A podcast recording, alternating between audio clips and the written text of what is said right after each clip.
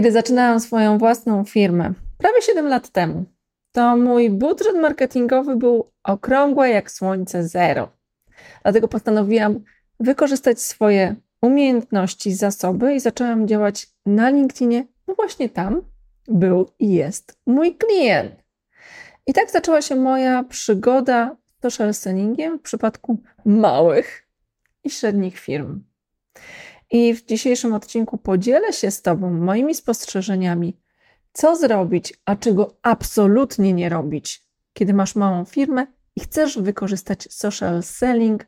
Działajmy. Cieszę się słysząc Cię w kolejnym odcinku podcastu Silna Marka w Praktyce. Jesteśmy w trzecim sezonie poświęconym tematowi social selling, a dzisiaj o tym, jak wdrożyć go w firmie małej. Rozmawialiśmy ostatnio o dużych firmach, rozmawialiśmy o etapach social sellingu. Dlatego, jeżeli nie chcesz, żeby umknął Ci kolejny odcinek, zasubskrybuj mój kanał gdziekolwiek go słuchasz na YouTubie, na Spotify czy każdej innej platformie, bo jeszcze czekają nas przynajmniej cztery odcinki w tej serii, a wdrożenie jest kluczowe, dlatego zawsze zaglądaj do notatek. No i działamy zero bullshit bingo, same konkrety.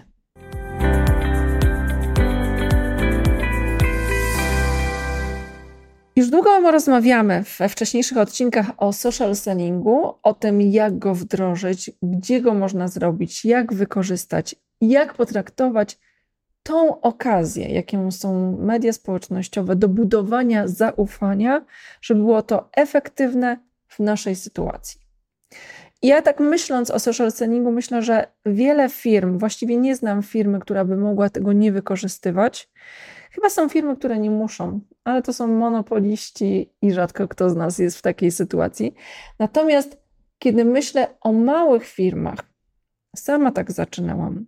Ja pracując kiedyś w marketingu i sprzedaży, tak naprawdę w dużych organizacjach, w dużych firmach, w korporacjach Henkel, Lireco, L'Oreal, to później wykorzystywałam swoją wiedzę marketingowo-sprzedażową, pracując we własnej firmie, uruchamiając działania social sellingowe. W sytuacji, kiedy uznałam, że to jest najtańsze, uwaga, najtańsze, co wcale nie oznacza, że jest za darmo, bo uważam, że nie ma działań marketingowych, które są za darmo, ani sprzedażowych, bo to, to zawsze angażuje Twój czas, Twoją energię i nawet jeżeli media społecznościowe są za darmo, to jednak inwestujemy tam wiele czasu, energii, zasobów, nie mówiąc o tym, że montowanie chociażby tego wideo, chociażby montowanie podcastu, praca nad grafikami, to są konkretne pieniądze, które musisz zapłacić komuś, lub Twój czas, Twoje umiejętności, które musisz stworzyć, żeby to zrobić. I kiedy myślę o małych firmach i dlaczego w małych firmach projekty takie się nie udają, to po pierwsze wynika to z braku wsparcia marketingu. I tu są dwojakie sytuacje. Pierwsza sytuacja jest taka, że marketingu zwyczajnie nie ma. I to są po prostu takie impulsowe działania. Zlecamy coś do jakiejś agencji, kiedy musimy. I rzadko kiedy ktoś w firmie podejmuje wyzwanie pod tytułem Myślę o firmie, o naszych działaniach z perspektywy procesu marketingowo-sprzedażowego. Marketing robi to, sprzedaż robi to. I kiedy są wdrażane tego typu projekty social sellingowe, to jest hasło pod tytułem Drogi sprzedawco, od dzisiaj oprócz tego, co robisz, będziesz również publikować i pokazywać się w mediach społecznościowych. I to jest powód, dla którego to z reguły nie działa.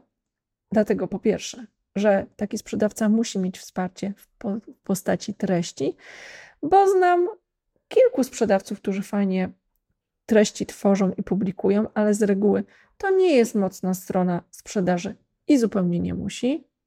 Po, po trzecie, jest taka sytuacja, że jeżeli ja mam do wyboru działania, które robię od lat, cold calling, cold mailing i innego typu rzeczy, które u mnie działają, a nagle mam zacząć robić coś, czego nigdy jeszcze nie robiłam, co nie wiem, czy zadziała i kosztuje mnie mnóstwo energii, to prawdopodobnie będę tego unikać. I to jest bardzo częsta sytuacja. Drugie takie wyzwanie, które powoduje, że te projekty się nie udają, to jest to, że jest brak zaangażowania osób, zarządu, właścicielki, właściciela, którzy raczej myślą: Dobra, słyszałem, że to działa, słuchałem podcastu Kimkowskiej, u niej to działa, jest mnóstwo przykładów, ludzie mówią, że to działa, fajne e, rezultaty widzę u innych, zróbcie to. No i w małych firmach to z reguły się nie udaje w ten sposób, dlatego że jeżeli nie ma odpowiedniego priorytetu i zaangażowania, błogosławieństwa i wejścia w ten temat również właściciela, właścicielki, to to słabo idzie. Druga rzecz jest taka, że e, jest coś takiego jak CEO branding, i ja bardzo często mówię, że w mediach społecznościowych wszystkie głosy są równe, ale głos prezesa jest równiejszy. I w tym aspekcie chcę powiedzieć, że to jest pewien potencjał do wykorzystania. Nie warto z niego nie korzystać. Dlatego, że w sytuacji, kiedy osoba, która budowała firmę, która doprowadziła ją do tego etapu, prawdopodobnie ma bardzo duże zaufanie społeczne, ma już pewien kapitał osób, ludzi. Ludzie go znają, kojarzą. Często to właśnie twarz właściciela, właścicielki jest tym gwarantem zaufania, które obdarzana jest firma i niewykorzystanie tego jest bardzo, dużym, bardzo dużą stratą od strony wizerunkowej, marketingowej, a od strony motywowania i zaangażowania ludzi jest to coś, co powoduje, że naprawdę trudno utrzymać zaangażowanie. No i trzecia rzecz to jest parcie na szybkie rezultaty. Dlaczego tak się dzieje? Dzieje się to z tego powodu, że często temat social sellingu pojawia się w momencie, kiedy coś nie działa w firmie, kiedy siada nam sprzedaż, kiedy szukamy szybko jakichś szybkich rozwiązań na to, żeby ją podnieść, bo promocje przestały działać, klienci nie chcą kupować, nie wiemy co zrobić, a słyszeliśmy, że to działa. No i chcę powiedzieć o dwóch rzeczach. Po pierwsze, niewykluczone jest, że to wcale nie potrzebujecie social sellingu, że potrzebujecie czegoś zupełnie innego. Ułożenia sobie na nowo procesu zakupowego, na nowo sprawdzenie, dlaczego klient u nas kupuje, co jest takim elementem, że nie kupuje. I zmapowanie tego, a dopiero ewentualnie zastanowienie się, czy my chcemy uruchomić media społecznościowe do komunikacji z klientem, no bo to jest trochę jak przykładanie plasterka do złamanej nogi. To niekoniecznie pomoże, a jeszcze napieranie, że z tego powinny być rezultaty i noga powinna chodzić jak zupełnie nowa, no to jak się domyślasz, to może nie zadziałać.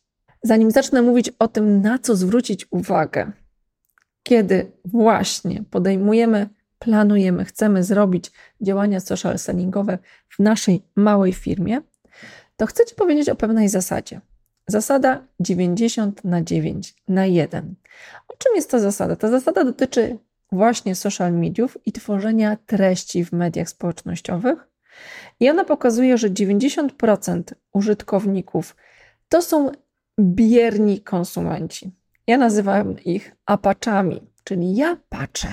Czyli to są tacy ludzie, którzy się przeglądają, skrolują i właściwie są tylko konsumentami tych treści. 9% użytkowników to są ludzie, którzy sporadycznie tworzą i udostępniają różnego typu treści. 1% użytkowników to są ci, którzy aktywnie tworzą regularnie wysokiej jakości treści. Często tworzą społeczność wokół tematu lub swojej osoby. I chcę Ci powiedzieć, że przejście od tej grupy 90 do 9% jest relatywnie proste. I mówiąc dużo o treściach, a tak w ogóle to planuję kolejny sezon poświęcić zupełnie treścią, to chcę Ci powiedzieć ważną rzecz. Jest coś takiego jak mikrotreści. I jeżeli chcesz powoli przesuwać się, rozszerzać tą swoją strefę komfortu od osoby, która tylko konsumuje i przygląda się, do osoby, która tworzy treści, to mikrotreści są dla Ciebie dobrym rozwiązaniem. Mikrotreści, co mam na myśli, to są treści, które polegają na udostępnianiu wartościowych treści, postów, artykułów z naszym komentarzem, z naszymi punktami dodatkowymi, spostrzeżeniami tego, co my myślimy na dany temat i dawanie ludziom coś, co my znajdujemy w internecie, a co jest wartościowe.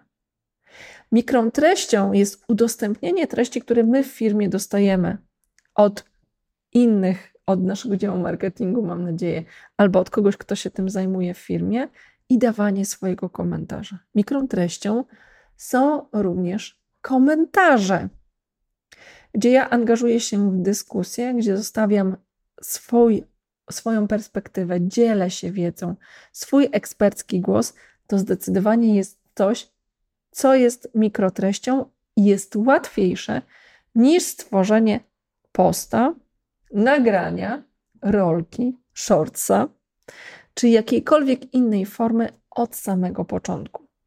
Dlatego mówiąc o programach social sellingowych, myśl o tej zasadzie 99.1. Jak łatwo jest przesunąć się z pierwszego poziomu do drugiego, co możesz zrobić, żeby się w tym rozćwiczyć, po to, żeby jeżeli zaczniecie na serio to robić, było ci o wiele łatwiej i już pewne ćwiczenia zostały wykonane. No dobrze, a teraz trzy rzeczy, na które warto zwrócić uwagę, kiedy myślisz o programie, o wdrożeniu social sellingu w swojej firmie. To po pierwsze, to będzie o wiele łatwiejsze niż w dużych organizacjach. Zastanów się, po co my to robimy, zastanów się, kogo w to zaangażujemy, zbierz tych ludzi, usiądź i porozmawiajmy realnie o możliwościach. Żeby to było, nie było nic z poziomu wizja, misja, halucynacja. Oko to teraz ktoś sobie wymyślił, że coś takiego działa i my zaczynamy, huzia na juzia, zaczynamy to robić. Potrzebujesz zbudować priorytet na tym projekcie, potrzebujesz deklaracji i pokazania ludziom, jakie powinny być kolejne kroki, po to, żeby ten projekt nie spalił, kolokwialnie mówiąc, na panewce. Druga rzecz. Sprawdźcie, gdzie jest wasz idealny klient. Co on robi w procesie zakupowym? Gdzie szuka wiedzy? Gdzie szuka rozwiązań? Jak to sprawdzić? To po pierwsze, weź Twoich klientów, które teraz już masz i sprawdź, czy są na LinkedInie, na Instagramie, na Facebooku, a może na TikToku. Sprawdź, gdzie Twojemu klientowi jest wygodnie konsumować treści, które chcesz tworzyć. Czy będziesz pisał posty, czy będziesz kręcił wideo. Jeżeli decydujesz się na wideo, no to to już z zasady definiuje dla Ciebie kanały, bo wtedy wchodzi w grę prawdopodobnie YouTube i masz tam przestrzeń dla dłuższych treści, takich chociażby jakie ja robię.